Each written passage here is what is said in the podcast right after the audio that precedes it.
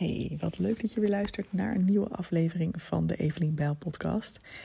Ik dacht, ik duik even iets meer in op het verschil tussen de uitstelperfectionist en de overachiever perfectionist.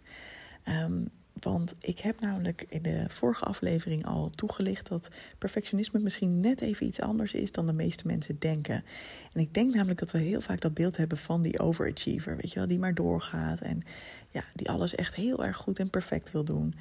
Maar wat blijkt nou? De allergrootste groep is juist de groep van de uitstelperfectionisten. Want ik heb eventjes een, um, eigenlijk twee kleine onderzoekjes gedaan. Ten eerste heb ik een um, formuliertje gemaakt met um, het aanbod voor gratis coaching. Ik wil graag namelijk met één uitstelperfectionist en met één overachiever perfectionist gaan werken zelf. In twee of drie coachgesprekken. En die wil ik dan vastleggen en ook delen in de opleiding voor coaches die ik aan het maken ben. Want ik dacht, hoe fijn om gewoon een keer mee te kunnen kijken, echt met iemand die, uh, die echt aan het coachen is. Weet je wel? Heel vaak leren we skills of weet je wel, horen we dingen over coaching, maar zie je niet per se echt zelf iemand aan het werk. Het enige waarin ik ooit iemand uh, heb zien coachen is juist in mijn eigen coaching, zeg maar. Dus dat ik zelf gecoacht werd. Ja, en dan ben je toch vaak wat meer ook bezig met je eigen proces. Dus hoe lekker om gewoon dat te kunnen zien van een afstandje, dacht ik. Nou, um, geweldig. Dus ik heb daar een oproepje voor gedaan. 45 mensen hebben dat al uh, ingevuld. Dat is al binnen 24 uur, dus dat is best wel veel. En daarin zie ik dat um, 17,8% van die 45 mensen zichzelf als een overachiever perfectionist ziet. En bij de overachiever perfectionist horen de volgende gedachten en zinnen. Uh, ik werk veel te hard omdat ik bang ben dat ik anders niet goed genoeg ben.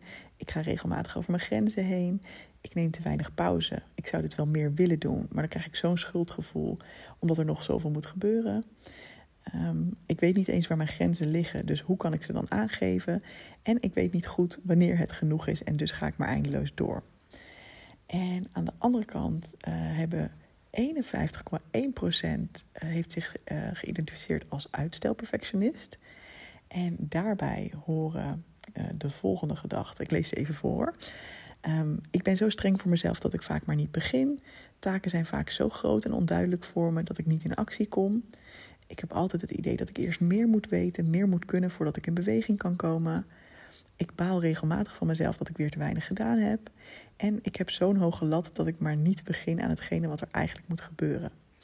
Nou, dan denk je misschien als je een beetje aan het rekenen bent, daar hou je nog een groep over. Ja, 31,1% herkent zich eigenlijk in beide. Dat was ook iets wat voor mij gold. Ik was denk ik vaker de overachiever perfectionist, uh, vroeger althans.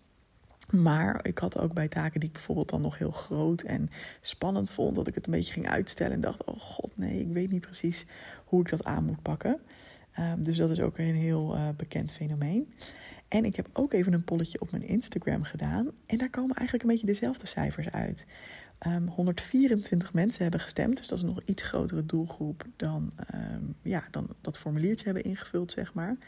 Want je zou nog kunnen denken, ja, mensen die echt gratis coaching willen, misschien zijn dat wel, is dat niet de typische doelgroep. Um, maar goed, dit, dit, zijn gewoon mensen die mij volgen. 466 mensen hebben tot nu toe die story gezien. Dat is binnen 24 uur, minder dan 24 uur. Um, dus 466 mensen hebben de story gezien, 124 mensen hebben een stem uitgebracht. En de cijfers komen best wel overeen. Um, 16% zegt ik ben zo'n overachiever perfectionist. Uh, 53% zegt ik ben een uitstelperfectionist. En 38% herkent zich in beide.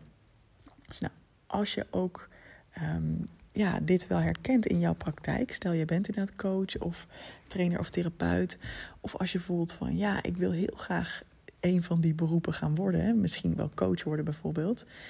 Um, dan is dus de kans best wel groot dat iemand in ieder geval van een van deze dingen last heeft. Want ook die angst om niet goed genoeg te zijn, die zit onder best wel veel um, ja, problematiek, zeg maar. En ook best wel veel dingen, hè, als bijvoorbeeld niet met jouw coaching aan de slag gaan. Of um, ja, er kunnen best wel veel dingen onder zitten die te maken hebben met dat diep gewortelde uh, probleem, met, het, met diep gewortelde angst om niet goed genoeg te zijn.